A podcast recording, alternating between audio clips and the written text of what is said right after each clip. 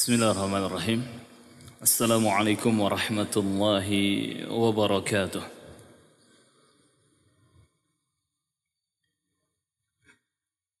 الحمد لله حمدا كثيرا طيبا مباركا فيه كما يحب ربنا ويرضى أشهد أن لا إله إلا الله وحده لا شريك له إقرارا به وتوحيدا وأشهد أن محمدا عبده ورسوله.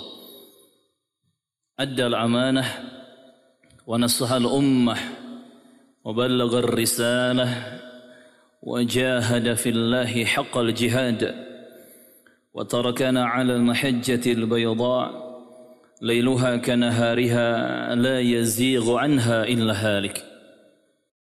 قال الله تبارك وتعالى في القرآن الكريم يا أيها الذين آمنوا اتقوا الله حق تقاته ولا تموتن إلا وأنتم مسلمون Wahai orang-orang yang beriman Bertakwalah kepada Allah Dengan takwa yang sebenarnya Dan janganlah kalian meninggal dunia Kecuali di atas agama Islam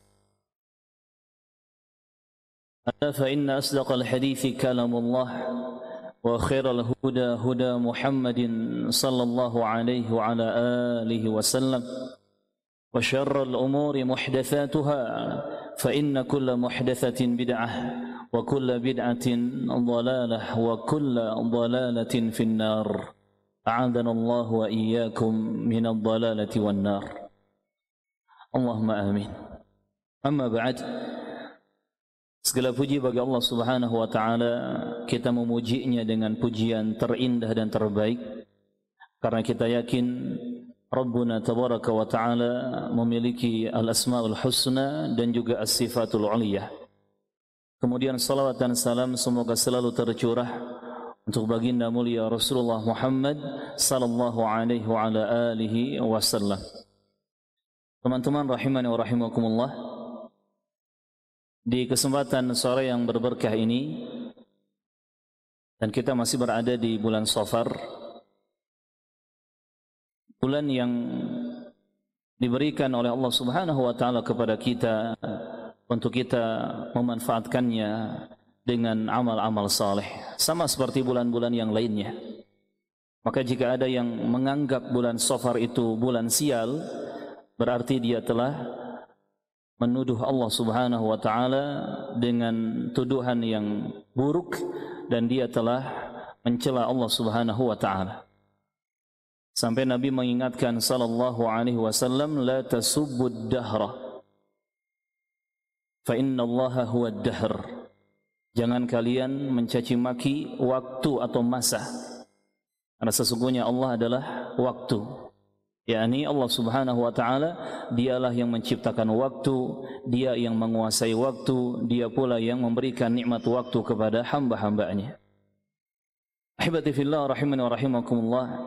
Dan semoga dengan terus berkurangnya jatah usia kehidupan kita di kehidupan dunia yang fana ini kita dimudahkan oleh Allah Subhanahu wa taala untuk lebih siap mempersiapkan bekal untuk kehidupan akhirat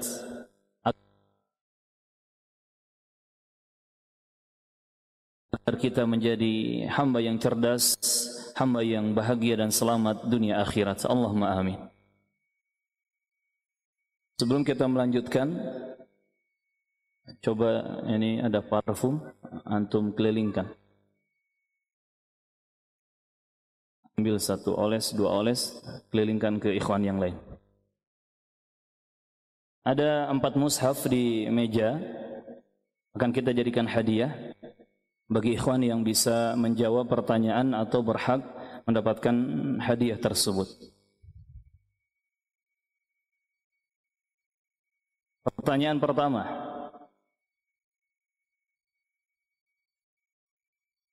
Siapakah manusia yang memiliki banyak dosa. Siapakah manusia yang memiliki banyak dosa?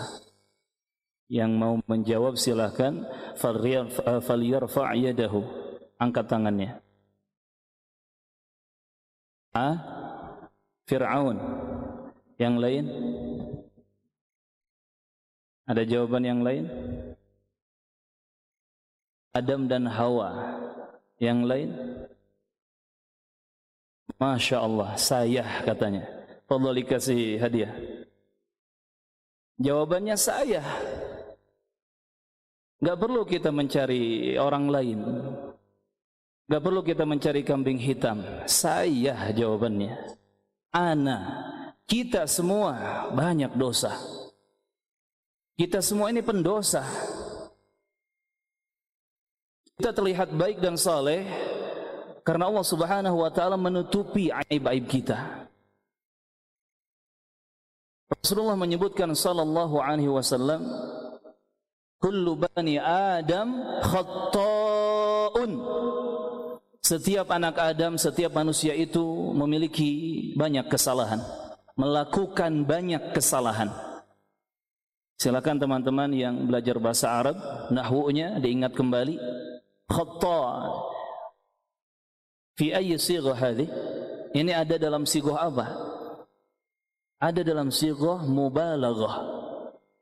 Yang artinya sesuatu yang lebih. Khata pelaku kesalahan yang banyak melakukan salah. Bukan satu dua tiga kesalahannya, tetapi banyak. Dan Nabi menyebutkan setiap anak Adam, setiap manusia, kita semua berarti.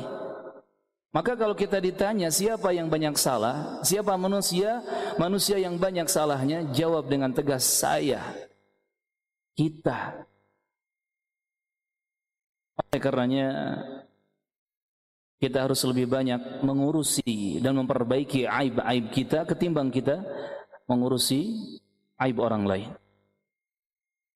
Namun ketika disampaikan kenyataan pahit bahwa semua anak Adam, semua manusia itu banyak melakukan kesalahan, Nabi kita Muhammad sallallahu alaihi wasallam memberikan solusi agar manusia itu menjadi manusia terbaik. Wa khairul khatta'in at-tawwabun. Dan sebaik-baik mereka yang punya kesalahan, yang bersalah, yang tersalah adalah yang bertaubat bertaubat kepada Allah Subhanahu wa taala. Maka kuncinya agar kita tidak binasa karena dosa dan kesalahan-kesalahan yang kita miliki, segeralah kita bertobat kepada Allah Subhanahu wa taala. Dan ampunan Allah, magfirah Allah itu harus dikejar, bukan ditunggu. Seperti seorang pesepak bola, dia berolahraga main bola di lapangan dia harus mengejar bola untuk bisa mendapatkan kesempatan menggolkan bola ke gawang lawan. Maka kita pun harus mengejar ampunan Allah Subhanahu wa taala. Sama seperti seorang ayah, seorang suami yang setiap hari banting tulang, peras keringat. Dia bekerja mencari nafkah yang halal. Mereka sedang mencari rezeki, menjemput rezeki, mengejar rezeki. Rezeki itu dikejar. Walaupun jatahnya sudah sudah ditakar oleh Allah Subhanahu wa taala, tetapi rezeki harus dikejar. Dengan doa yang maksimal, dengan tawakal yang sempurna kepada Allah dan dengan usaha ikhtiar yang baik. Sampai Nabi mengingatkan, "Fattakullah wa ajmilu fit talab." Urusan rezeki sudah dijamin jatahnya oleh Allah Azza wa. Maka kalian bertakwalah kepada Allah dan perbaikilah, perbaguslah cara kalian menjemput rezeki tersebut. Begitupun dengan magfirah ampunan di sisi Allah Subhanahu wa taala. Yang kita sudah menyadari bahwa kita semua, ana, antum, antunna, kita, kalian semuanya memiliki banyak dosa dan kesalahan. Bahkan kalau kita betul-betul bertobat kepada Allah, setiap kali kita melihat kaca cermin di hadapan kita, kita merasa malu. Dan di sana kita melihat sosok yang menjijikan. Sosok yang kotor, penuh dengan noda. Penuh dengan dosa dan kesalahan. Itulah diri kita. Maka di sini kita butuh ampunan Allah subhanahu wa ta'ala. Dan kita harus mengejarnya, bukan menunggunya. Kami sering menitipkan pesan kepada para santri, kepada kawan-kawan, kepada para ikhwan, para jamaah. Kalau kita membuat cita-cita tidak harus muluk-muluk tapi peganglah sebagai cita-cita itu kita mati meninggalkan dunia yang serba menipu ini dalam keadaan Allah Subhanahu wa taala mengampuni dosa-dosa kita. Kita mati meninggalkan dunia yang fana ini dalam keadaan Allah Subhanahu wa taala mengampuni dan memaafkan dosa-dosa kita. Jadikanlah itu cita-cita terbesar. Jadikanlah itu cita-cita tertinggi kita. Allah Subhanahu wa taala memerintahkan kita untuk mengejar ampunan di sisinya. Jadi untuk mengejar ampunan Allah itu ada perintahnya langsung dari Allah Rabbul Alamin, sang penguasa alam semesta. Satu-satunya Rabb, al-ilahul haq yang berhak diibadahi dengan benar. Allah sebutkan perintahnya di surah Al Imran ayat ke-133. Al Imran 133. أعوذ بالله السميع الأليم من الشيطان rajim. Min همزه ونفخه ونبثه wa إلى مغفرة من ربكم وجنة جنة عرضها السماوات والأرض أعدت للمتقين.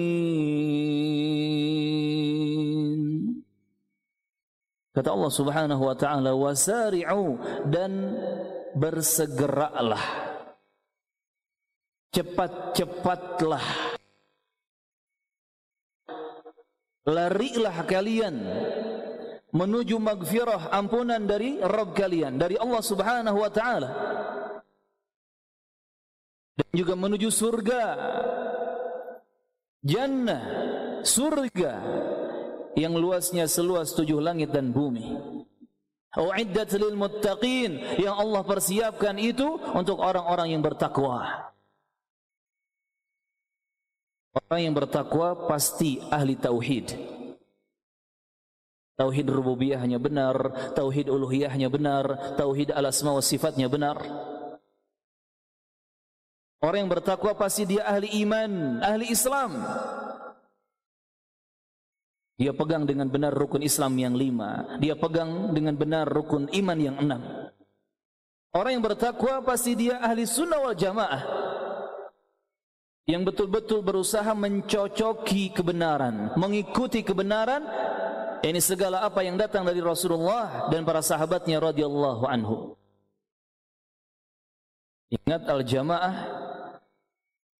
atau yang disebut dengan as-sawadul a'zam ahlus sunnah mereka adalah orang-orang yang mengikuti segala ajaran Rasulullah dan para sahabatnya radhiyallahu anhum mereka lah ahlul haq yang mengikuti kebenaran sampai Ibnu Mas'ud menyebutkan radhiyallahu an man wafaqal haqq wa in kunta wahdak.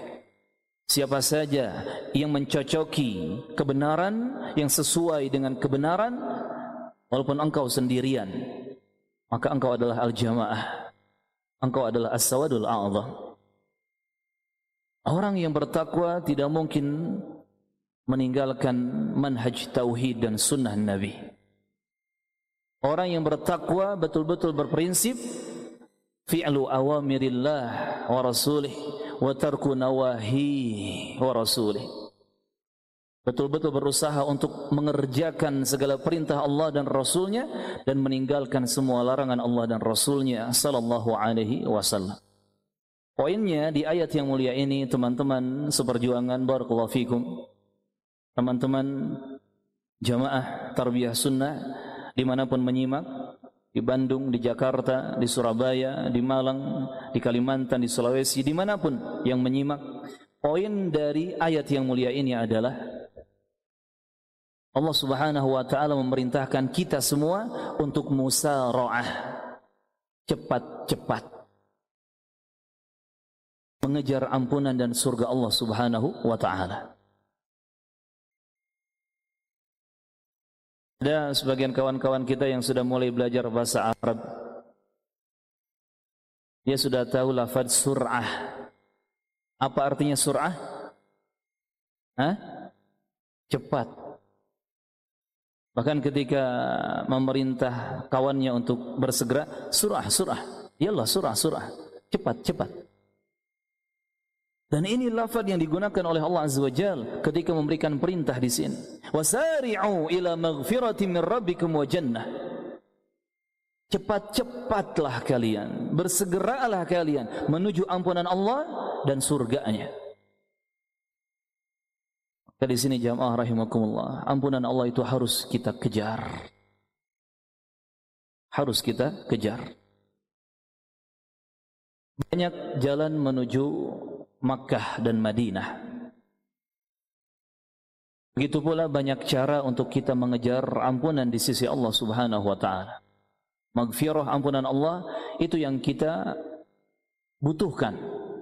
Bahkan kita sangat membutuhkan maghfirah ampunan dari Allah itu lebih daripada kita membutuhkan makanan, minuman dan apa pun dari isi dunia ini.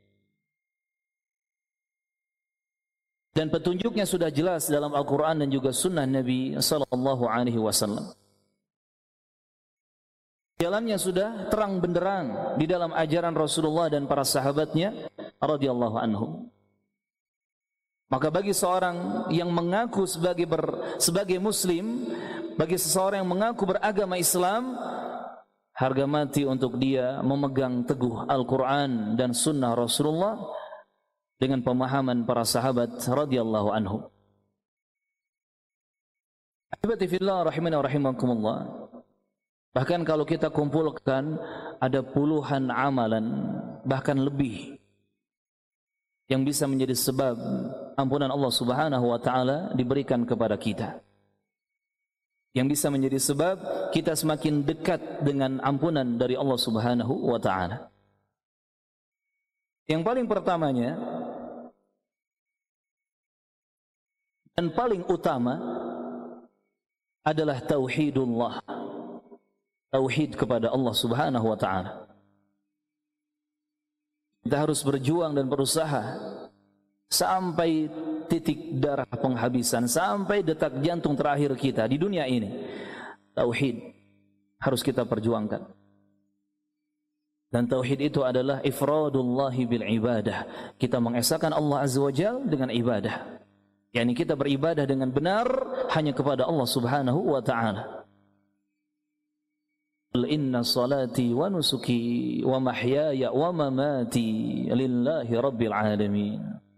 Katakanlah sesungguhnya salatku, sembelihanku, semua ibadahku bahkan hidup dan matiku hanyalah untuk Allah Rabbul alamin.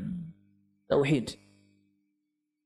Makanya belajar tauhid ini setiap hari terus menerus sebagaimana mengamalkannya juga setiap hari terus menerus belajarnya terus menerus mengamalkannya juga terus menerus dan ternyata tauhid menjadi salah satu sebab bahkan sebab terbesar sebab pertama dan utama yang dengannya dosa-dosa seorang hamba berhak digugurkan berhak dihapuskan oleh Allah Azza wa Nah yakin teman-teman pernah melewati hadis riwayat At-Tirmidzi. Maka hadis ini juga disebutkan di dalam Arba'un Nawawiyah oleh Imam An-Nawawi rahimahullah taala tentang seseorang yang dia mati membawa dosa sepenuh bumi. Pernah dengar hadisnya? Insya Allah ya masih masih lupa. Masih ingat, harus masih ingat. Insya Allah masih ingat. Disebutkan dalam riwayat At-Tirmidzi tersebut hadis kursi. Mana Rasulullah bersabda sallallahu alaihi wasallam, qala Allah azza wa jalla, Allah Subhanahu wa taala berfirman. Ini hadis kursi namanya. Rasulullah menyebutkan firman Allah dalam hadis. Ibn Adam Wahai anak Adam, wahai manusia, "Lau ataitani biqurabil ardi khataya la tushriku bi syai'an Andai engkau datang ke hadapanku sambil membawa dosa sepenuh bumi. Namun engkau tidak membawa dosa kesyirikan. Engkau tidak melakukan dosa kesyirikan. Engkau tidak menyekutukanku dengan sesuatu apa pun kata Allah. La ataituka biqurabiha maghfiratan. Niscaya sungguh pasti aku akan mendatangimu kata Allah dengan membawa ampunan maghfirah sepenuh bumi. Allahu akbar. Dosa sepenuh bumi, dosa seberat bumi. Ada yang tahu jamaah rahimakumullah berapa ton atau berapa juta ton berat bumi. Ada yang pernah iseng-iseng pinjam timbangan tetangga? Mau ngapain Kang? Ini mau coba nimbang bumi berapa ya beratnya? Kita sepakat bumi ini besar. Ya berat, ya besar, ya luas. Bayangkan itu semua dipenuhi dengan dosa-dosa kita.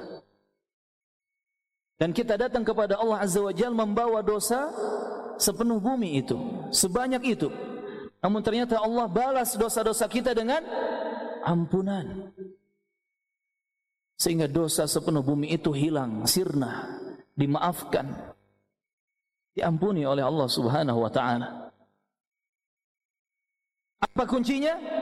Tadi Allah menyebutkan la tusyriku bi syai'an dalam keadaan engkau tidak melakukan kesyirikan terhadapku dengan sesuatu apa pun.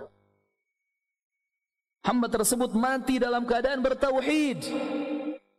La ilaha illallah Muhammadur Rasulullah betul-betul dipegang oleh hatinya, oleh lisannya, oleh amalannya. Dia membela mati-matian sampai mati menjaga la ilaha illallah yang merupakan cabang keimanan yang paling tinggi. La ilaha illallah. Lihat buah manisnya. Dosa sepenuh bumi diampuni. Karena dia bertauhid, mati di atas tauhid. Maka Nabi menjamin, Man kana akhiru kalamihi La ilaha illallah dakhalal jannata. Siapa saja manusia yang mati dan ucapan terakhirnya adalah kalimat la ilaha illallah pasti dia akan masuk surga. Karena ternyata tadi dosa-dosanya diampuni oleh Allah Subhanahu wa taala. Maka jangan pernah berhenti untuk terus berjuang menjadi ahli tauhid dengan tauhid yang benar. Jangan hanya sekadar nama. Tauhid dijadikan nama yayasan, pesantren, masjid, komunitas, bahkan mungkin brand dagangan.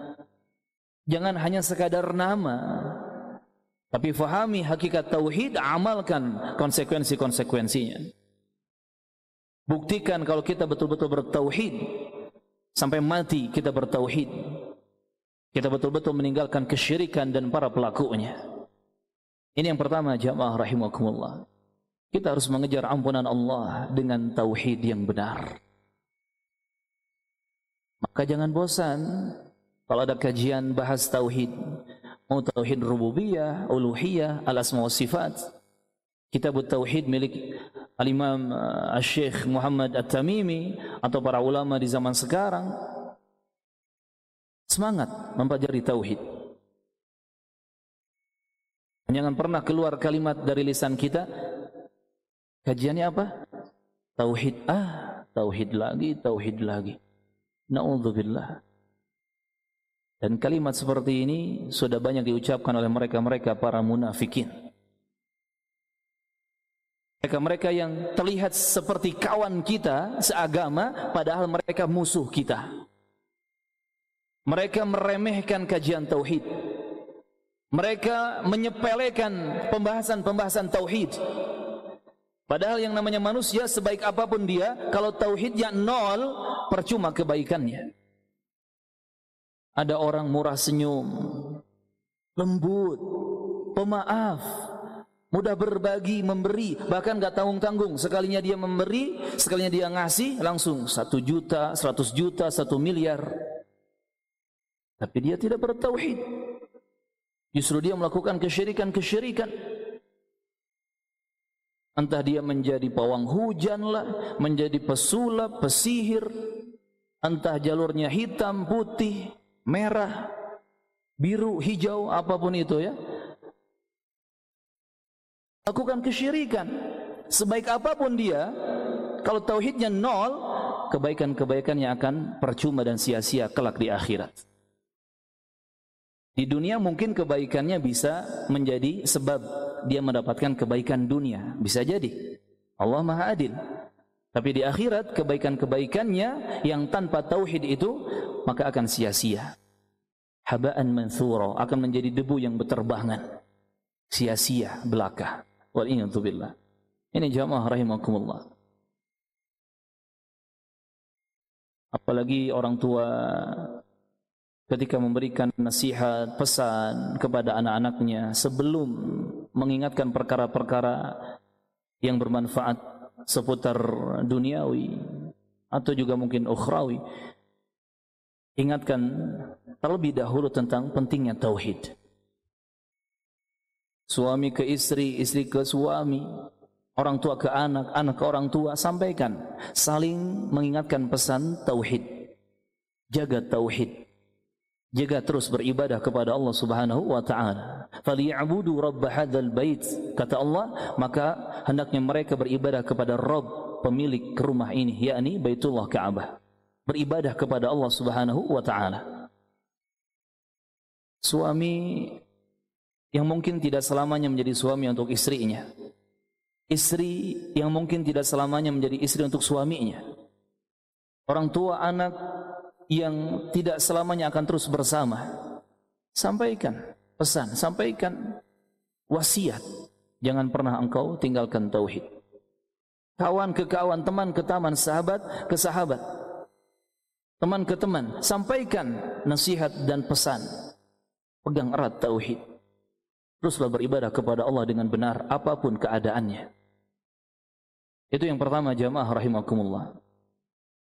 Yang kedua, kita bisa mengejar ampunan Allah Subhanahu wa taala lewat jalan takwa. Tadi disebutkan di Alu Imran 133.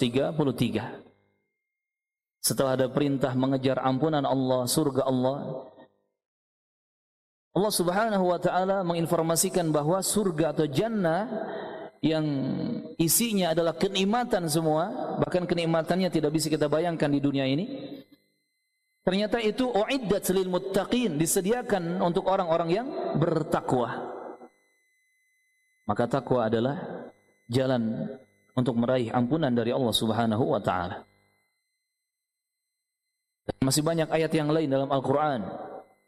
Termasuk juga dalam hadis Nabi bahwa takwa merupakan salah satu kunci yang dengannya dosa-dosa kita akan diampuni oleh Allah Subhanahu wa taala. Di antaranya perhatikan surah Al-Anfal ayat ke-29. Al-Anfal 29. Silakan baca Al-Qur'annya. Silakan fahami. Ada yang sudah buka? Al-Anfal 29.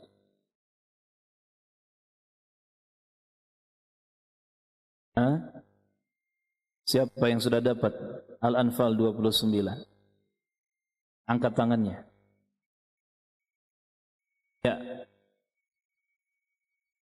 Silakan dibaca. Bahasa Arabnya. Sebelum membaca artinya, baca dulu bahasa Arabnya. Karena pahala berlipat-lipat sampai minimalnya 10 pahala itu ada di tulisan bahasa Arabnya. Barakallahu Ya. A'udzu billahi minasy syaithanir rajim. يا أيها الذين آمنوا إن تتقوا الله يجعل لكم إن تتقوا الله يجعل لكم فرقانا ويكفر عنكم سيئاتكم ويغفر لكم والله ذو الفضل العظيم Hasbuk, cukup ya. Kita kasih hadiah, Masya Allah. Tolong disampaikan ke belakang. Barakallahu fikum, jazakumullahu khairan.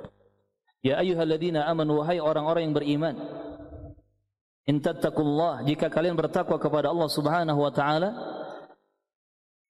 Allah akan memberikan kepada kalian furqanan.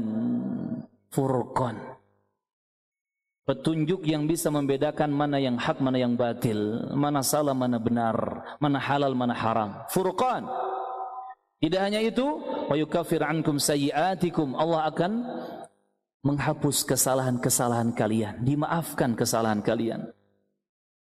Dan juga Allah akan wa yaghfir lakum, mengampuni dosa-dosa kalian. Allahu akbar. Lihat dengan takwa, hidayah, petunjuk dari Allah kita dapat kesalahan-kesalahan kita dimaafkan, dosa-dosa kita diampuni dengan takwa. Maka seperti apa pun keadaan hidup kita, sekarang ataupun nantinya, takwa tetap kita pegang. Dan ingat takwa itu tidak hanya sekadar makna yang sering kita dengar dengan simpelnya mengerjakan perintah Allah dan menjauhi larangannya. Tidak sesimpel itu. Walaupun itu benar, itu makna takwa, tetapi yang lebih rincinya, yang lebih sempurnanya mana takwa kata para ulama, fi'lu ta'atillah ala nurin minallah raja'a thawabillah. Mengerjakan ketaatan kepada Allah di atas cahaya dari Allah, yakni cahaya ilmu syar'i. Punya ilmu yang benar dalam keadaan mengharapkan pahala, balasan kebaikan dari Allah Azza wa wa tarku ma'siyatillah ala nurin minallah makhafata iqabillah dan meninggalkan maksiat terhadap Allah di atas cahaya dari Allah di atas bimbingan cahaya ilmu yang benar dalam keadaan takut dengan hukuman dan azab atau siksa dari Allah Subhanahu wa taala. Itulah takwa yang benar. Kita tidak bisa menjalankan perintah Allah dan Rasulnya meninggalkan larangan Allah dan Rasulnya tanpa tiga bekal ini. Bekal yang pertama tadi semangat. Semangat melakukan ketaatan kepada Allah dan semangat meninggalkan maksiat. Harus semangat. Gak bisa kita malas-malasan. Yang suka main bola, malas-malasan, gak mungkin dia ngegolin. Yang suka motor-motoran, malas-malasan, gak mungkin dari Bandung sampai ke Ciletuh, sampai ke Pangandaran, gak mungkin. Harus semangat. Tukang masak, tukang makan, apalagi. Malas-malesan nggak mungkin kenyang kan gitu. Harus semangat. Takwa pun demikian, harus punya semangat, semangat mengerjakan ketaatan kepada Allah, semangat meninggalkan maksiat. Yang kedua modal takwa adalah harus punya cahaya dari Allah, yakni ilmu syar'i. Terus belajar, belajar, belajar. Akidahnya, akhlaknya, hadisnya, tafsirnya, Qur'annya, bahasa Arabnya, fikihnya dipelajari semua. Sehingga ketika kita mengamalkan amal saleh atau ibadah atau kebaikan, kita punya argumentasi, dalil yang benar. Kenapa antum salat subuhnya dua rakaat? Ya ini sudah lumrahnya. Ah jangan sudah lumrahnya. Tetapi jawab, karena seperti itulah, karena seperti itulah Allah dan Rasulnya memberikan aturan. Kenapa antum berpakaian seperti itu? Enggak risih apa? Enggak gerah? Enggak kagok? Enggak macam-macam lah. Gak takut omongan orang dan seterusnya. Kita jawab, karena Allah dan Rasulnya yang membimbingku dalam berpakaian seperti ini. Kan enak jawabannya. Itu namanya cahaya dari Allah, ilmu syar'i. Begitupun ketika kita meninggalkan yang haram-haram. Kenapa antum gak kerja lagi di, di leasing atau di bank atau di tempat ribawi? Ah udah bosan, capek. Yang seperti ini tidak akan berpahala. Tidak akan menjauhkan dia dari dosa. Tapi kalau dia jawab, sekarang saya sudah sadar itu haram. Itu enggak boleh. Allah dan Rasulnya membenci itu. Memurkai itu. Maka aku tinggalkan. Itulah takwa. Yang ketiga modal takwa adalah harus punya kalbun salim. Hati yang lurus, hati yang selamat. Satu sisi mengharapkan pahala hanya dari Allah, penilaian balasan hanya dari Allah. Di sisi lain juga takut dengan hukuman dan azab, siksa dari Allah Subhanahu wa taala. Itulah qalbun salim, hati yang selamat. Di sisi kanan mengharapkan penilaian dan balasan hanya dari Allah, pahala Allah, surga Allah, bisa melihat wajah Allah kelak di akhirat dan seterusnya. Di sisi kiri dia takut dengan segala ancaman Allah Azza wa Jalla, murka Allah, neraka Allah, siksa Allah, termasuk musibah dan bencana di alam dunia ini. Dia takut itu semua. Dia takut kepada Allah dengan itu semua. Inilah qalbun salim. Kondisi hati yang selamat. Dan kalau tiga modal takwa ini sudah kita pegang, jamaah rahimakumullah, insya Allah kita dimudahkan bertakwa kepada Allah dan tadi Allah akan menghapuskan kesalahan-kesalahan kita dan mengampuni dosa-dosa kita karena sebab takwa kita kepada Allah Subhanahu wa taala. Makanya dalam memuliakan manusia, Allah itu tidak mempersyaratkan harus menjadi manusia yang banyak uangnya, beruang, hartanya banyak, kaya raya atau apa lagi? Jabatannya tinggi ya, tahtanya kekuasaannya tinggi. Harus jadi bintang apa itu? Bintang tujuh. Jenderal bintang tujuh ya, saking tingginya. Harus punya ini dan itu tidak. Tetapi yang disyaratkan oleh Allah Azza wa Jalla adalah ketakwaan. Inna akramakum indallah atqakum Sesungguhnya yang paling mulia dari kalian di sisi Allah adalah yang paling bertakwa di antara kalian, paling bertakwa kepada Allah. Takwa menjadi standar seorang manusia dimuliakan oleh Allah Subhanahu wa taala. Kemudian yang ketiga jamaah rahimakumullah setelah kita mengejar ampunan Allah lewat tauhid, kita mengejar ampunan Allah lewat takwa, kita pun harus berusaha mengejar ampunan Allah Azza wa Jal lewat ittiba'us sunnah dengan serius dan benar-benar mengikuti sunnah ajaran Nabi Muhammad sallallahu alaihi wasallam. Makanya jangan pernah menganggap remeh satu sunnah pun yang datang dari Nabi Muhammad sallallahu alaihi wasallam apa pun hukumnya. Mau yang wajib itu sunnahnya, mau yang sunnat secara fikih ya, itu sunnahnya, ataupun yang mubah sekalipun, kalau itu sunnah Nabi, ajaran Nabi, agama Nabi, jangan pernah disepelekan. Ah, cuman baju putih. Ah, cuman baju hijau. Padahal Nabi suka warna putih, suka warna hijau dari pakaian untuk laki-laki. Jangan dianggap remeh dan sepele. Ah, cuman mendahulukan kaki kanan ketika masuk masjid, ketika pakai sendal atau sepatu. Jangan dianggap remeh. Kenapa? Di balik pengikutan terhadap sunnah Nabi, di sana ada ampunan Allah Subhanahu wa taala untuk kita. Allah menjanjikan siapa yang sungguh-sungguh, siapa yang serius mengikuti sunnah ajaran Nabi Muhammad sallallahu alaihi wasallam, maka Allah akan mengampuni dosa-dosanya. Makanya aneh kalau ada orang dia mengaku banyak dosa, bahkan dia mengejar ampunan Allah, dia memperbanyak istighfar kepada Allah, tapi sunnah Nabi ditinggalkan. Tapi sunnah Nabi, ajaran Nabi diremehkan. Bahkan sunnah Nabi, ajaran Nabi dilawan dengan bid'ah-bid'ah. Na'udzubillah. Katanya istighfar. Katanya dia minta ampun kepada Allah. Tapi ini sebab turunnya ampunan Allah Kenapa malah diselisihi? Wala haula wala quwata illa billah. Perhatikan firman Allah di surah Al Imran ayat ke-31. Al Imran 31. Qul in kuntum tuhibbuna Allah fattabi'uni Katakanlah wahai Muhammad sallallahu alaihi wasallam kepada kaummu, kepada umatmu. Jika kalian mencintai Allah Azza wa Jal, maka sebagai bukti cinta kepada Allah yang diakui oleh manusia, fattabi'uni, maka ikutilah aku. Siapa aku di sini? Rasulullah Muhammad sallallahu alaihi wasallam. Dan ini firman Allah Azza wa Jalla, Allah yang menyatakan demikian. Wahai manusia, jika kalian mengaku cinta kepada Allah sebagai hamba Allah, cinta kepada Allah, rindu kepada Allah, ingin masuk surga Allah, maka buktikan pengakuan cinta kepada Allah itu dengan fattabi'uni, mengikuti Nabi Muhammad sallallahu alaihi wasallam. Pertanyaannya, mengikuti Nabi Muhammad itu bagaimana? Apakah cukup dengan menyelaraskan atau menyamakan nama? Nama saya Muhammad bin Abdullah bahkan.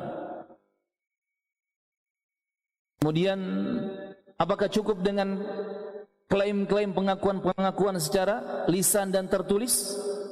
Bahkan ditulis di mobil-mobil ya, di kaos-kaos, di berbagai macam sarana. Apakah cukup demikian? Cara yang benar mengikuti Nabi Muhammad bukan seperti itu. Tetapi cara yang benar mengikuti ajaran beliau atau mengikuti beliau adalah dengan menghidupkan sunnah ajarannya. Kenali, pelajari ajaran-ajarannya, sunnah-sunnahnya dan amalkan. Itu makna mengikuti Nabi Muhammad sallallahu alaihi wasallam. Kenali hadis-hadisnya yang sahih. Pisahkan hadis-hadis yang yang sahih dari yang dhaif dari yang palsu.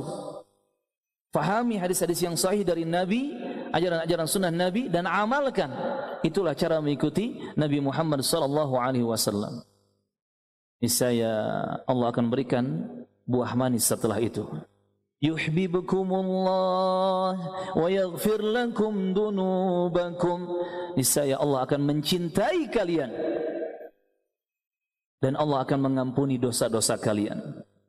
Wallahu ghafurur rahim. Dan Allah itu maha pengampun lagi maha penyayang, maha pengasih. Lihat ya mak. Buah manis dari memuliakan sunnah ajaran Nabi Muhammad sallallahu alaihi wasallam.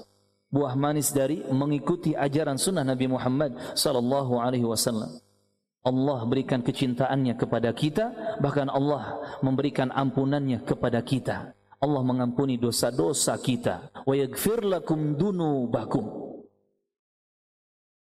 Makanya hati-hati ya, jangan sampai kita menghina secuil pun atau sedikit pun dari bagian sunnah ajaran Nabi Muhammad dan para sahabatnya radhiyallahu anhu. Walaupun hanya dengan kalimat dasar ustaz sunnah, kita punya ustaz wajib.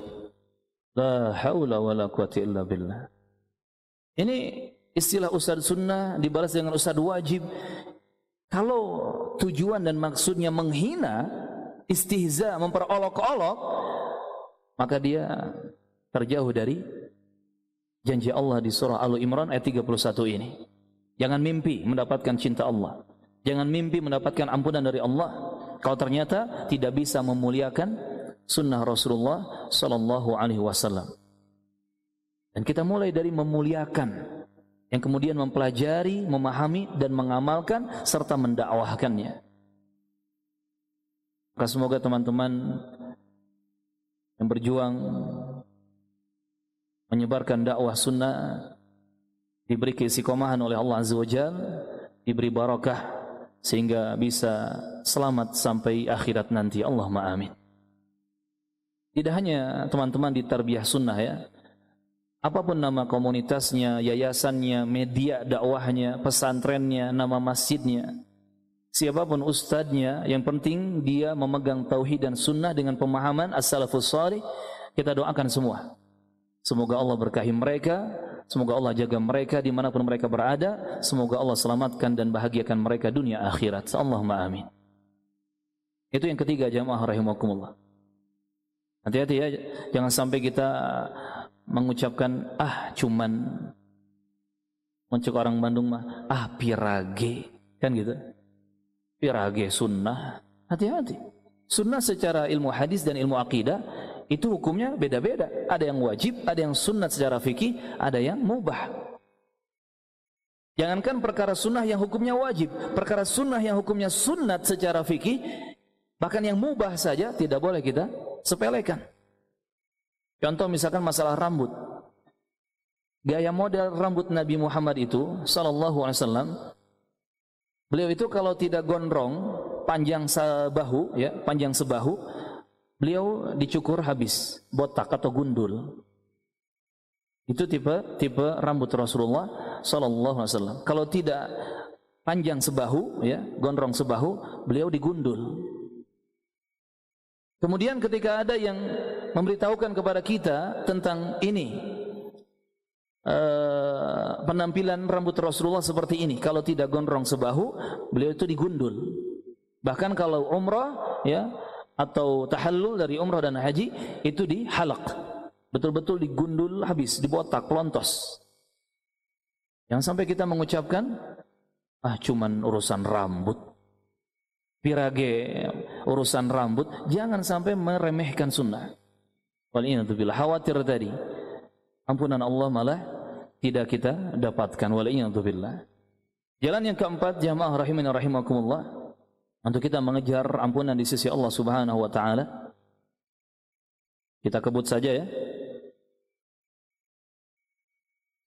Bersabarlah dengan apa pun yang kita hadapi dari ujian dan musibah. Sabar menghadapi apa pun yang menjadi ujian, terlebih ketika ada musibah menimpa kita. Jangankan musibah yang besar, musibah yang kecil saja, kalau kita sabari, itu bisa menggugurkan dosa-dosa kita. Hadis diriwayatkan oleh Al-Bukhari, hadis yang masyhur rahimahullah, Nabi bersabda sallallahu alaihi wasallam, "Ma yusibul muslima min nasabin wala wasabin wala hammin wala huznin wala adha wala ghammin." Tidaklah menimpa seorang muslim, di sini umum laki-laki ataupun perempuan, dari rasa capek atau rasa letih atau rasa sakit atau rasa cemas atau rasa sedih atau gangguan atau gundah gulana. Ini Nabi menyebutkan semua dengan detail. Nasab, wasab, ham, huzn, ada, gham. Disebutkan gelisah, disebutkan sedih, disebutkan rasa takut dan seterusnya. Bedanya sedih dan cemas, sedih dan gelisah, kalau cemas dan gelisah mungkin hampir mirip ya. Biasanya sedih itu dikarenakan ada sesuatu yang luput darinya. Sudah terjadi tetapi dia tidak bisa meraihnya sehingga dia sedih. Adapun kecemasan, kegelisahan itu dirasakan oleh seorang manusia ketika dia merasa takut dengan apa yang belum terjadi. Misalkan, misalkan dia kehilangan kendaraan yang dia cintai. Sudah terjadi, hilang kendaraannya, maka dia sedih. Huzn. Tapi kalau ham, ya, gelisah, cemas, ya, dia menakutkan sesuatu yang belum terjadi. Besok makan gimana? Sedih e, mikirin makan. Nanti nikah gimana? Gelisah mikirin nikah. Dan seterusnya. Ini Nabi sebutkan semua secara rinci dan detail. Tidaklah menimpa seorang muslim mau itu rasa lelah, letih, capek, rasa sakit, kesedihan, gelisah, kecemasan sampai gangguan-gangguan hatta syaukah yushakuha bahkan sampai duri yang kecil yang mengenai kulitnya, menusuk kulitnya illa melainkan kafarallahu biha min khatayah. Allah Subhanahu wa taala akan menggugurkan dosa-dosanya karena sebab musibah yang menimpa dia tadi. Allahu Akbar. Pernah nggak antum tertusuk duri, duri yang sangat kecil? Bukan duri durian, bukan. Yang sangat kecil. Kadang untuk melihatnya pun kita perlu memfokuskan mata, dia dikasih lampu gitu. Pernah nggak tertusuk duri kecil? Pernah atau sering? Kalau sering mah kasihan ya. Hidupnya menderita kalau sering mah. Pernah mungkin ya. Rasanya apa? Nikmat atau enak? Sakit, perih, gak nyaman, gak enak. Itu menjadi sebab dosa kita diampuni, digugurkan oleh Allah Azza wa. Apalagi tadi lebih besar dari tusukan duri. Tamparan tangan orang, pukulan tangan orang, tebasan pedang, senjata api yang membakar tubuh kita dan seterusnya. Musibah-musibah yang besar, bencana alam, tanah longsor, gempa bumi, banjir bandang, apalagi tsunami, termasuk mungkin kehilangan ini dan itu, musibah demi musibah menimpa kita atau keluarga kita. Termasuk mungkin penyakit-penyakit dan rasa sakit yang besar. Seperti kemarin ya, COVID-19. Ini musibah, ini ujian. Tapi kalau dihadapi dengan sabar, illa kaffarallahu biha min khatayah. Pasti Allah akan menghapuskan dosa-dosanya karena musibah yang dihadapinya dengan sabar tersebut. Maka ini jamaah rahimakumullah. Jangan menjadi manusia yang suka mengeluh. Bahkan dalam keadaan sesulit apa pun, dalam keadaan sedang menderita sesakit apa pun, berusahalah tersenyum. Tersenyum karena Allah Subhanahu wa taala. Bukan senyuman-senyuman stres ya. Kan kadang ada orang stres juga senyum-senyum gitu ya. Tetapi senyuman karena Allah. Semakin diuji dengan rasa sakit, semakin diuji dengan kesulitan, semakin diuji dengan termasuk sekarang mungkin BBM naik ya, harga-harga naik, Apalagi teman-teman juga naik ke pelaminan ya, ujian semua itu. Serba naik semua. Kita hadapi dengan sabar. Kita hadapi dengan sabar.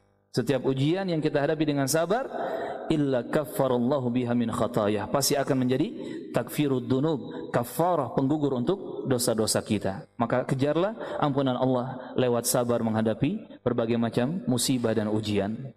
Yang kelima jamaah rahimakumullah. Jangan lepaskan wudu. Karena dengan wudu kita bisa mengejar ampunan Allah Subhanahu wa taala. Makanya alangkah indah kalau kita atau kawan-kawan kita atau keluarga kita punya kebiasaan kalau batal wudu, entah itu buang angin, buang air kecil atau besar, segera memperbaharui wudunya. Itu yang biasa dilakukan oleh Rasulullah dan para sahabatnya radhiyallahu anhum, menjaga kesucian, menjaga wudu. Dan ternyata di balik wudhu itu ada dosa-dosa yang diampuni oleh Allah Subhanahu wa taala. Dalam hadis riwayat Muslim rahimahullah disebutkan Nabi bersabda sallallahu alaihi wasallam, "Idza tawadda al-'abdu al-muslimu awil mu'minu" Kalau ada seorang muslim, seorang hamba muslim atau seorang hamba mukmin, dia berwudu, faghasala wajhahu, kemudian dia mencuci bagian wajahnya kharaja min wajhihi kullu khati'atin nadhara ilaiha bi'ainaihi ma'al ma' maka keluar atau terlepaslah dosa-dosa dari wajahnya. Dosa-dosa yang ada akibat dua mata yang melihat sesuatu yang haram. Jadi ada dosa karena pandangan matanya. Maka dengan tetesan air ketika wudhu, sebanyak apa air menetes dari wajahnya, sebanyak itu pula dosa-dosa hilang. Menetes, terlepas dari wajahnya. Dosa mata, dosa wajah, lepas dan hilang, berguguran. Seiring dengan berjatuhannya air wudhu dari wajah kita. Allahu Akbar au ma'a akhiri qatril ma atau mengikuti tetesan terakhir yang menetes dari wajah tersebut. Fa idza ghasala yadayhi kharaja min yadayhi kullu khati'atin kana batashatha yadahu ma'al ma au ma'a akhiri qatril ma. Begitupun ketika dia mencuci dua tangannya, dia mencuci dua tangannya dari jari jemari sampai sikut. Maka dosa-dosanya akan terjatuh berguguran mengikuti jatuhnya air wudhu yang jatuh dari dua tangannya atau mengikuti tetesan terakhir yang jatuh dari tangannya tersebut. Subhanallah. Dan tangan ini juga kan banyak melakukan dosa dan salah. Suami kadang menggunakan tangannya dengan salah kepada orang di rumahnya. Kawan ke kawan teman ke teman ya menggunakan tangan dengan salah dan seterusnya. Maka dosa-dosa tangan akan berguguran mengikuti tetesan-tetesan air wudu dari tangannya. Idza ghasala rijlaihi kharajat kullu khati'atin mashatha rijlahu ma'al ma aw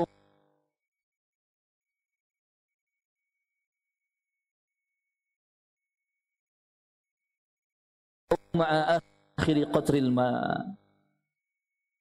Begitupun ketika dia mencuci dua kakinya maka air yang menetes dari kakinya itu itu diikuti oleh gugurnya atau berjatuhannya dosa-dosa yang dia lakukan ketika dia melangkahkan kaki untuk berbuat dosa.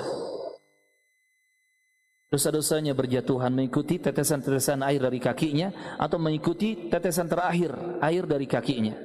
Hatta yakhruja naqiyan minadz dzunub. Kata Rasulullah sampai dia betul-betul keluar dalam keadaan bersih, suci, terbersihkan dari dosa-dosa. Allahu akbar. Maka jangan pernah menganggap remeh wudu. Apalagi isbagul wudu alal makari. Menyempurnakan wudu ketika kita sedang tidak suka. Cuaca dingin, sedang malas bergerak atau mager, sedang enak-enaknya tidur, sedang macam-macam gangguan dan halang rintang. Kita paksakan, kita berjuang untuk menyempurnakan wudu. Itu pahalanya lebih besar, keutamaannya lebih besar. Ini langkah yang kelima untuk mengejar ampunan Allah. Jaga wudu, jaga wudu. Baik untuk salat wajib ataupun untuk salat sunat ataupun hanya sekadar memperbaharui wudu karena tadi kita sudah hadas kecil. Barakallahu fiikum. Langkah yang keenam, ahibati fillah rahimani wa rahimakumullah untuk mengejar ampunan dari Allah Subhanahu wa taala. Jaga salat, jaga salat. Disebutkan hadis oleh Imam Muslim rahimahullah. Rasulullah bersabda, "Ma min imri'in muslimin tahduruhu salatun maktubah." Tidaklah seorang muslim dia didatangi oleh waktu salat, salat yang maktubah yang wajib. Fayuhsinu wudu'aha, kemudian dia memperbagus wudu'nya, wa khusyu'aha dan juga khusyuknya, wa ruku'aha dan juga rukuknya, illa kanat kafaratan lima qablaha minadz dzunub, melainkan amalan salat wajib yang dikerjakan yaitu itu akan menjadi penggugur dosa untuk dosa-dosa yang sebelumnya dia lakukan. Malam yu'ti kabiratan wa dzalika ad-dahra kullah. Selama dia tidak melakukan dosa besar dan itu akan berlangsung terus sepanjang waktu. Seperti itu. Allahu Akbar. Lihat Nabi menjamin ketika tiba waktu sholat wajib entah duhur, asar, maghrib, isya atau subuh kemudian kita bergegas wudhu dengan sempurna dengan begitu bagusnya dengan baik dan benar Bahkan ketika salat pun kita berusaha untuk khusyuk dengan benar, ruku, sujud dengan benar. Kita ucapkan bacaan dan zikir salat. Kita lakukan gerakan-gerakan salat dengan benar. Maka Nabi menjamin dosa-dosa kita sebelum kita salat tadi itu diampuni oleh Allah Azza wa Jalla selama tidak melakukan dosa besar. Karena memang dosa besar harus ada taubatan nasuha jika ingin diampuni oleh Allah Subhanahu wa taala. Dan ini kata Rasulullah, pengampunan dosanya berlangsung wadzalika dahra kullah, sepanjang masa. Terus Allah ampuni dosa-dosanya karena sebab dia salat wajib. Maka tidak ada alasan untuk kita bermalas-malasan mengerjakan salat, apalagi salat wajib. Yang sunat saja kita kejar, apalagi salat wajib. Barakallahu fikum. Langkah yang ketujuh untuk mengejar ampunan Allah Subhanahu wa taala. Untuk laki-laki terkhusus ya, muslim laki-laki, kejarlah salat di masjid. Walaupun ini diperbolehkan untuk perempuan, namun perempuan lebih utama, lebih afdal mengerjakan salat itu di rumahnya. Tapi kalau mau ke masjid, kata Rasulullah, la tamna'u ima Allah masajid Allah. Jangan kalian cegah, jangan kalian larang wanita-wanita hamba Allah jika ingin ke masjid wa buyutuhunna khairul lahun. Walaupun rumah mereka lebih utama untuk mereka. Tapi kalau mau ke masjid jangan dihalangi. Wal yakhrujna tafilat. Namun Nabi mengingatkan kalau wanita-wanita muslimah ingin ke masjid silahkan keluar dari rumah dalam keadaan tafilat. Tafilat itu tidak memakai parfum tidak memakai minyak wangi tidak berdandan tidak bertabarruj seperti jahiliyah. Tafilat itu uh, syarat ya dibolehkannya wanita pergi ke masjid harus dalam keadaan tafilat. Nah, untuk laki-laki muslim ini harus dikejar ya salat di masjid. Apalagi salat wajib. Bahkan sebagian ulama berpendapat salat wajib bagi laki-laki muslim di masjid hukumnya wajib. Walaupun sebagian ulama lain mengatakan sunnah muakkadah. Al-muhim yang pasti kita sebagai muslim laki-laki harus berusaha salat wajib di masjid berjamaah bersama kaum muslimin. Disebutkan hadis oleh Ibnu Khuzaimah Nabi bersabda sallallahu alaihi wasallam man tawaddaa siapa yang berwudu fa asbagul wudu'a kemudian dia menyempurnakan wudunya thumma masya ila salatin maktubah kemudian dia berjalan kaki menuju masjid untuk mengerjakan salat wajib. Fa sallaha ma'al imam. Kemudian dia mengerjakan salat wajib itu di masjid bersama imam. Ghufira lahu dhanbuhu. Maka diampunilah dosa-dosanya oleh Allah Subhanahu wa taala. Allahu akbar. Jadi kita ke masjid apalagi diniatkan untuk salat wajib Jalan kakinya kita dari rumah ke masjid sampai ke masjid. Ini jalan untuk menghilangkan dosa-dosa kita. Allah ampuni dosa-dosa kita karena kita berjalan kaki menuju masjid untuk sholat wajib. Dan itu pula yang kita harapkan ketika kita berjalan kaki untuk selain sholat wajib. Mungkin untuk majlis ilmu seperti ini. Mungkin untuk sholat sunnat. Mungkin untuk menghafal Quran dan seterusnya. Kita harapkan itu. Semoga langkah kaki kita menuju masjid itu bisa menggugurkan dosa-dosa kita. Dan hadis yang semana dengan ini sangat banyak ya, seperti riwayat Abu Dawud, Abu Ya'la ya dan lainnya rahimahumullahu taala. Termasuk kata para ulama ampunan Allah Azza wa Jal bisa kita kejar dengan kita memperbanyak langkah kaki ke masjid. Beda antara orang yang menaiki tunggangan atau kendaraan dengan orang yang berjalan kaki ke masjid. Setiap langkahnya itu akan menjadi sebab dihapuskannya dosa dia, kesalahan dia dan diangkatnya derajat dia. Bahkan disebutkan dalam beberapa riwayat yang sahih ada tiga keutamaan bagi orang yang melangkahkan kaki ke masjid. Pertama, dihapuskan kesalahannya atau dosanya. Kedua, akan diangkat derajat kemuliaannya semakin diangkat semakin diangkat semakin mulia dunia akhirat. Ketiga ditulis atau ditetapkan pahala kebaikan untuk dia. Semakin banyak tabungan pahala kebaikannya. Bahkan kalau kita lihat riwayat-riwayat yang lain ada keutamaan yang keempat bagi orang yang sering berjalan kaki ke masjid. Memperbanyak langkah kaki al-huta ilal masjid yang keempat adalah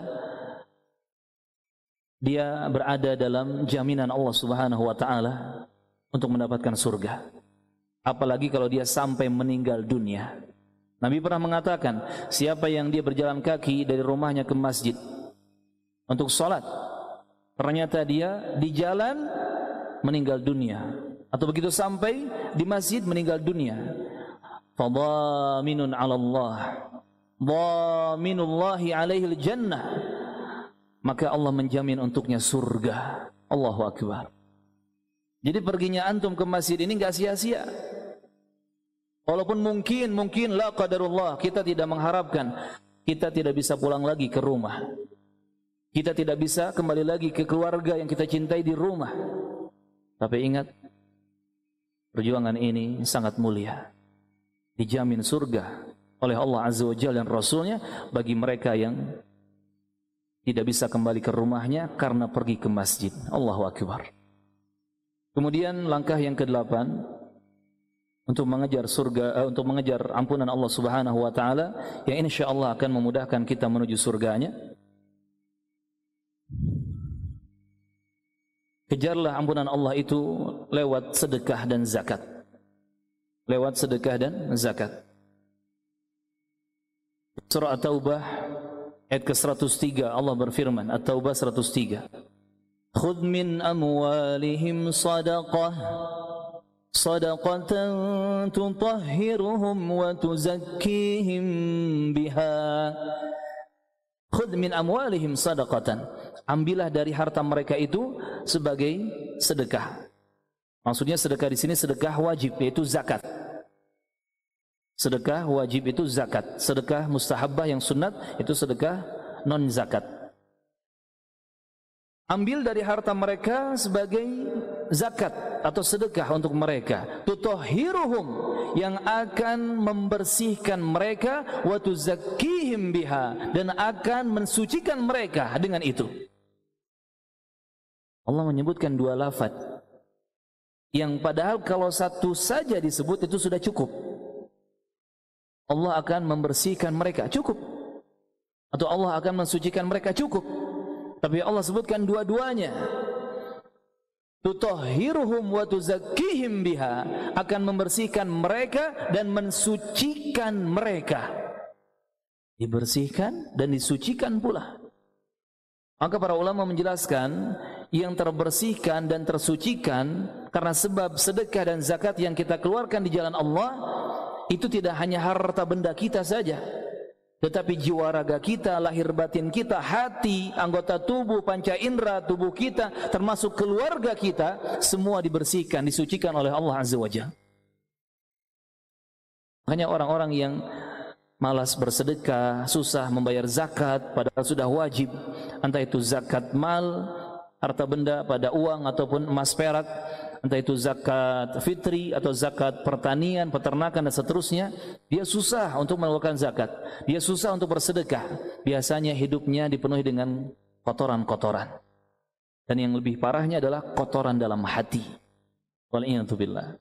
Ini jamaah rahimakumullah. Kejarlah ampunan Allah lewat sedekah dan zakat. Termasuk orang-orang yang diberi kemudahan masalah rezeki harta benda, kalau ternyata dia berprofesi yang tidak terkena zakat dalam Islam. Tapi hartanya banyak, melimpah. Maka perbanyak sedekah. Perbanyak sedekah. Misalkan apa profesi apa yang banyak uangnya di zaman sekarang? PNS. Zaman dulu PNS itu orang nggak suka. Silakan tanya ke kakek nenek kita. Zaman dulu orang itu kalaupun jadi PNS itu di, di apa ditinggalkan, resign mereka, lebih baik jadi pedagang. Sekarang kebalik ya. Lebih baik jadi PNS daripada pedagang. Mungkin PNS, dokter, apa lagi? E, montir, apa lagi? Banyak ya profesi-profesi yang tidak terkena zakat. Tapi dari situ dia bisa mendapatkan banyak fulus. Maka mereka dituntut untuk banyak sedekah. Bukan malah kemudian dipaksa untuk bayar zakat profesi. Gak ada zakat profesi itu gak ada. Ini salah satu bid'ah di zaman kini ya. Kebatilan di zaman kini. Mungkin tujuannya baik, ingin mengingatkan dan membiasakan kaum muslimin dengan zakat, tetapi caranya salah. Zakat profesi yang dikiaskan kepada apa itu? Pertanian, zakat pertanian, tapi hitung-hitungannya nanti dikeluarkan dengan kias kepada emas dan perak. Pokoknya Pak Baliut lah gitu ya. Jadi tidak ada zakat profesi itu. Kalau antum di tempat kerjaannya diwajibkan bayar zakat profesi, berarti antum sedang ditipu. Silakan lapor ke aparat berwajib. Antum ditipu. Oleh siapa? Oleh perusahaan. Masya Allah. Tidak ada zakat profesi. Ya, dalam Islam tidak ada. Barakallahu fiikum.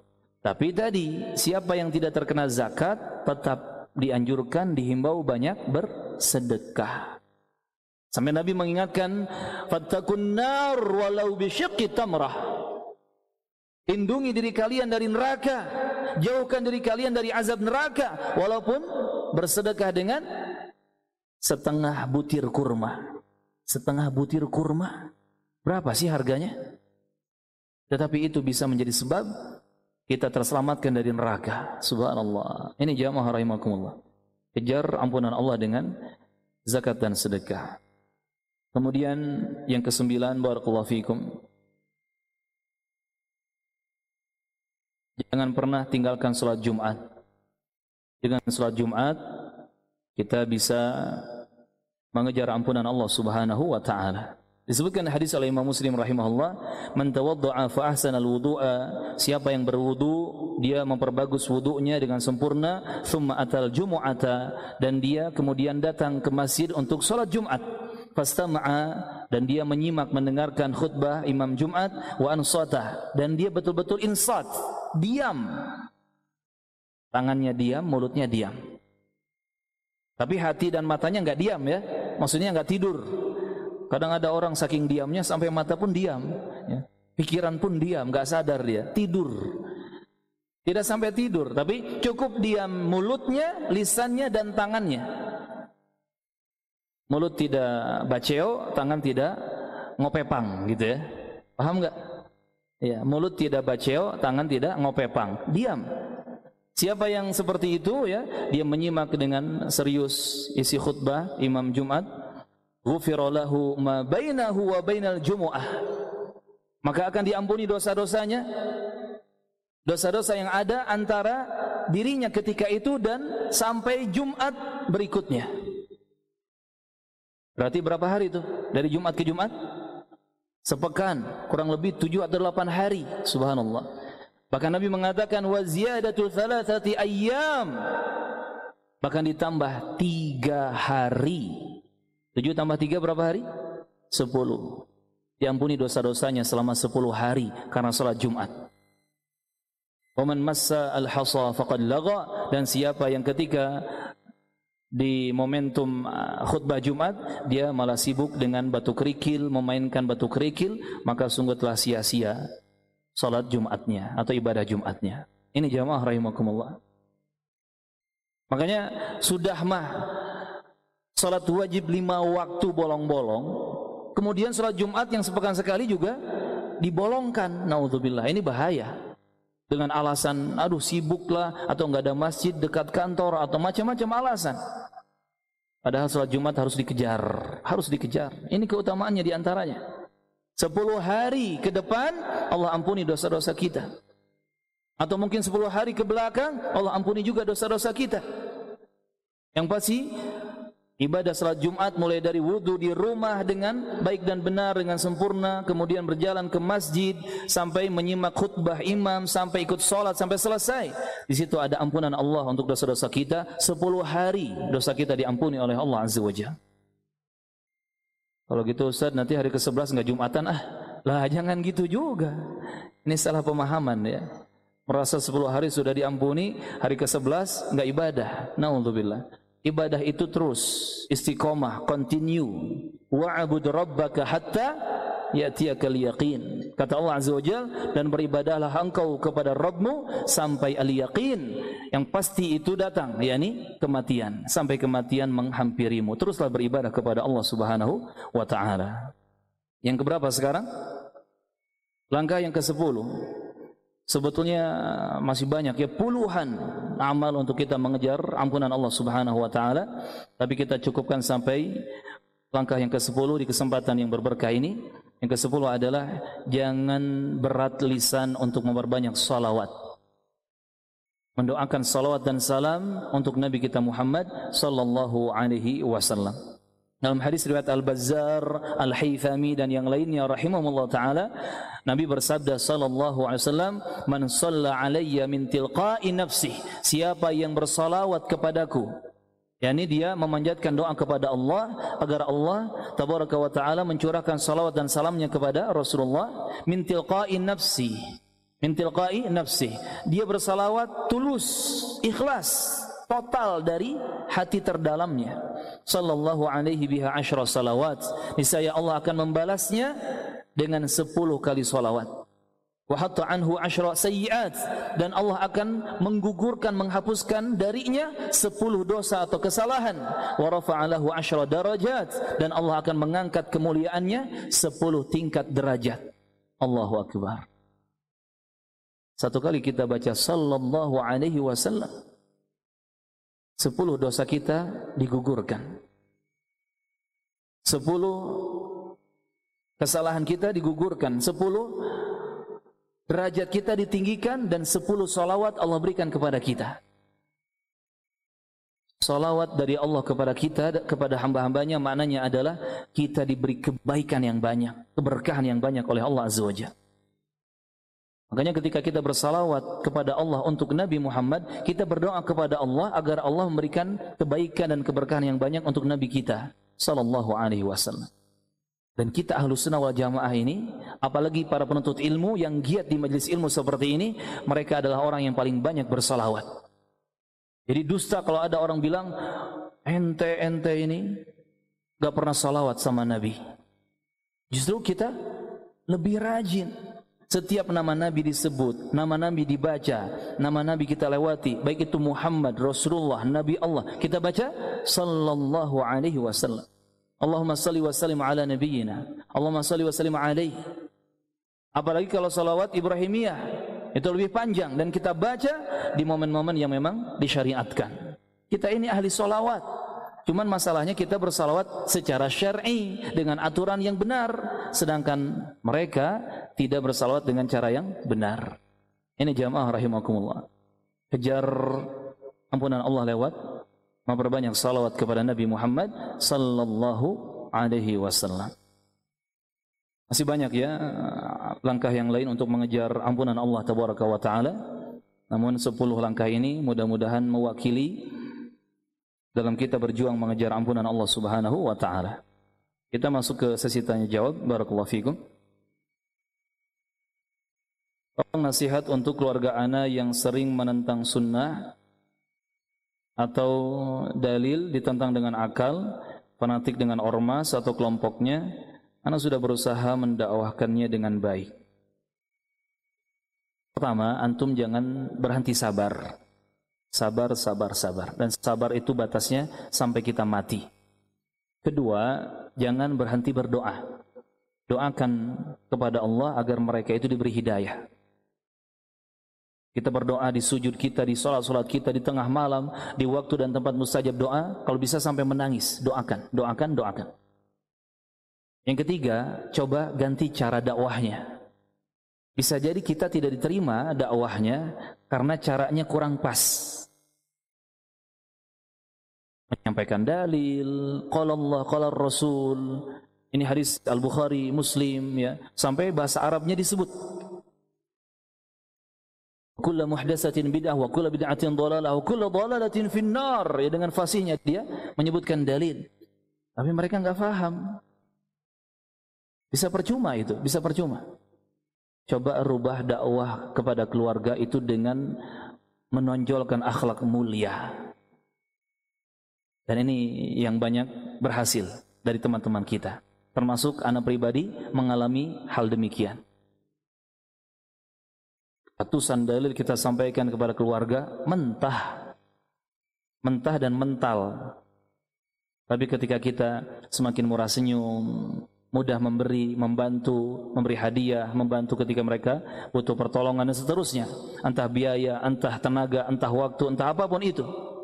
Alhamdulillah ternyata mereka lebih cepat menerima apa yang kita dakwahkan.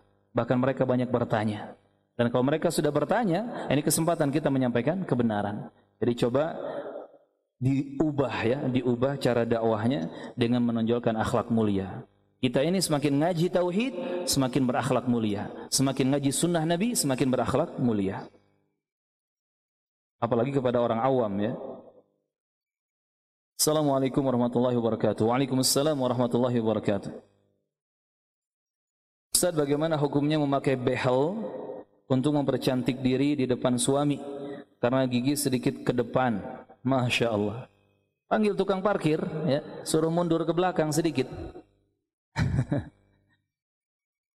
ya, hukum asal merubah ciptaan Allah, taghyiru khalqillah itu tidak boleh. Hukum asal taghir khalqillah itu tidak boleh. Kecuali jika ada kebutuhan darurat secara medis.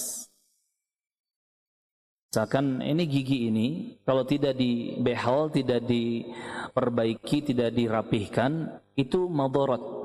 Bisa menusuk-nusuk gusi, sering berdarah, sering sariawan, itu kan madorot kan? Maka boleh dirapihkan. Termasuk tadi, sebagian ulama memperbolehkan merapihkan ciptaan Allah ya bukan merubah ya merapihkan untuk menyenangkan pasangan hidup. Istri ke suami suami ke istri sama saja. Kalau kasusnya seperti itu ya e, gigi agak maju ke depan nyari tukang parkir susah ya. Jadi masih boleh untuk dirapikan dengan behel untuk menyenangkan suami. Ini masih boleh. Wallahu taala a'lam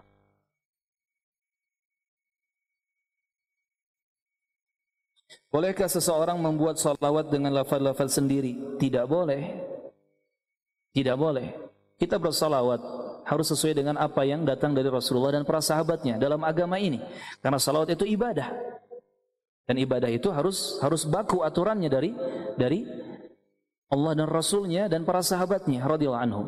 Tidak boleh kita bikin uh, salawat uh, sendiri-sendiri. Dan kalau satu pihak diberi izin membuat salawat sendiri, nanti akan bermunculan banyak pihak yang lain. Misalkan ini dikasih izin silakan bikin salawat sendiri. Dia bikin salawat, salawat apa? Watoniyah misalkan, salawat tanah air. Nanti yang sana bikin salawat macam-macam. Ada salawat biru, salawat merah, salawat hitam, salawat putih, ya, salawat dingin, salawat panas, ya, salawat karetnya dua, karetnya tiga, jadi macam-macam. Jadi tidak boleh di, diberi izin satu pihak pun untuk membuat bid'ah atau sesuatu yang baru dalam agama. Cukuplah kita melafazkan salawat sesuai dengan lafaz yang Rasulullah dan para sahabatnya ajarkan kepada kita. Yang pendek, sallallahu alaihi wasallam atau yang semakna dengan itu, Allahumma salli wa sallim ala Muhammad itu semakna. Allahumma salli wa sallim alaihi sallallahu alaihi wasallam itu semakna. Atau yang panjang hanya satu salawat Ibrahimiyah. Walaupun salawat Ibrahimiyah ini kalau kita kumpulkan riwayat-riwayatnya ya, ada beberapa riwayat, itu lafadznya ada perbedaan di beberapa huruf. Ada yang Allahumma salli ala Muhammad wa ala ali Muhammad terus nanti kemudian dilanjut dengan Allahumma barik ala Muhammad. Ada yang tidak pakai Allahumma barik tapi langsung wa barik ala Muhammad macam-macam. Tapi intinya sama. Bersalawat untuk Nabi Muhammad dan Nabi Ibrahim dan keluarga mereka juga mendoakan keberkahan untuk Nabi Muhammad dan Nabi Ibrahim juga keluarga mereka. Intinya sama isinya seperti itu. Itu yang disebut dengan salawat Ibrahimiyah dan itu satu-satunya salawat yang panjang yang disyariatkan kita baca Allahumma salli ala Muhammadin wa ala ali Muhammad kama sallaita ala Ibrahim wa ala ali Ibrahim innaka Hamidum Majid. Allahumma barik ala Muhammadin wa ala ali Muhammad kama barakta ala Ibrahim wa ala ali Ibrahim innaka Hamidum Majid. Dan subhanallah hikmahnya kenapa salawat yang panjang itu hanya satu, salawat Ibrahimiyah ini saja yang disyariatkan? Karena hampir semua kaum muslimin menghafalnya. Bagaimana tidak? Karena ini dipakai di dalam salat. Ketika duduk tasyahud itu dibaca ya. Jadi jelas ya hikmahnya besar.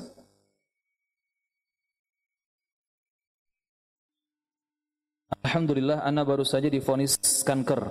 Subhanallah. Ini tidak sembarangan orang bilang seperti ini. Ketika dihadapkan kepada musibah dan dia bisa mengucapkan alhamdulillah, ini manusia spesial. Bisa bersyukur kepada Allah dengan musibah yang dihadapi. Kebanyakan orang itu mengeluh atau ya paling hebatnya sabar. Di atas sabar ada ridho. Di atas ridho syukur. Nah ini, ini orang yang paling hebat. Bersyukur ketika ditimpa musibah atau ujian. Alhamdulillah segala puji bagi Allah. Ana baru saja diponis kanker. Ana mohon bantu doa Ustaz dan jamaah yang hadir untuk mendoakan Ana. Ustaz tolong beri amalan agar Ana selalu sabar dan kuat agar menerima takdir Allah ini. Perbanyak istighfar. Perbanyak istighfar. Baca surah Nuh. Nabi Nuh menuntun kaumnya untuk beristighfar dan tobat kepada Allah dan itu menjadi kunci terbukanya banyak kebaikan dari bumi dan dari langit. Perbanyak istighfar.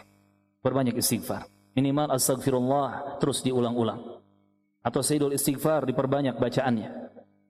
Dan kita bersama teman-teman di sini insyaallah mendukung dan mensupport penanya untuk kuat dan untuk terus sabar, insya Allah surga menanti anda, insya Allah. Ingat janji Rasulullah kepada seorang wanita yang berkulit hitam, yang minta didoakan untuk sembuh dari penyakit ayannya. Kata Nabi, kalau engkau mau, aku doakan kepada Allah, engkau sembuh sekarang. Tapi kalau engkau mau bersabar, walakil jannah, bagimu surga. Akhirnya apa? Dia memilih untuk bersabar karena ingin surga. Karena kalau dibandingkan nikmat surga itu semuanya ada di sana. Di surga itu semua nikmat, kenikmatan itu ada semua. Dan kekal abadi selama-lamanya. Dibandingkan dengan ujian di dunia yang hanya 5 tahun, 10 tahun, 40 tahun, itu enggak ada bandingannya. Maka pilihlah surga Allah. Dan kita semua insya Allah mensupport dan mendoakan semoga diberi yang terbaik dan juga semoga segera disembuhkan dari penyakitnya. Allahumma rabban nas adhibil ba's ishfi anta syafi la shifaa illa shifaa'uk shifaa'an la yughadiru saqama. Allahumma amin. Allahumma ashfi mardana wa ashfi mardal muslimin. Allahumma amin. Ustaz saya pernah membeli ayam di pasar saat itu di belakang penjualnya ada penyembelih ayamnya sedang menyembelih ayam. Saya tidak mendengar dia menyebut nama Allah. Saya tidak bisa membaca gerak bibirnya karena dia mengenakan masker. Jika seperti itu apa yang harus saya lakukan? Saya tidak berani memastikannya dengan bertanya karena dulu kakek saya pernah dibentak dan diplototo, eh, dan diplototi tukang ayam saat bertanya. Ya wajar diplototi ya. Antum nanya sih enggak, ya enggak enggak gitu ya. Ente kadang-kadang. Jadi enggak ada kewajiban kita bertanya, ini disembelihnya syar'i atau tidak. Kata para ulama, kembalikan ke uraf atau daerah di situ. Kalau kita membeli uh, hewan sembelihan di daerah kaum muslimin, ya sudah. Itu teranggap halal semua. Tapi kalau kita membelinya di daerah non muslim, nah baru kita harus cari tahu ini gimana cara menyembelihnya. Tapi kalau kita beli di pasar yang mayoritas kaum muslimin, di tempat tinggal atau daerah atau kota yang mayoritas kaum muslimin ya, apalagi jelas-jelas tukang ayamnya pakai peci misalkan, jenggotan ya. Ya sudah jangan jangan nyari perkara ya. Jangan nyari perkara. Barakallahu fikum. La yukallifullahu nafsan illa wus'aha. Allah tidak memberatkan hambanya masih ada pertanyaan ya tiga tetapi panjang-panjang tidak bisa kita jawab karena waktu sudah habis terakhir masih ada dua mushaf di sini. Pertanyaannya mudah saja. Sebutkan empat langkah dari awal yang kita sebutkan tadi untuk mengejar ampunan Allah. Ya. Pertama tauhid. Kedua bertakwa kepada Allah. Ketiga, ah itu. Mulai ketiga. Apa ketiga?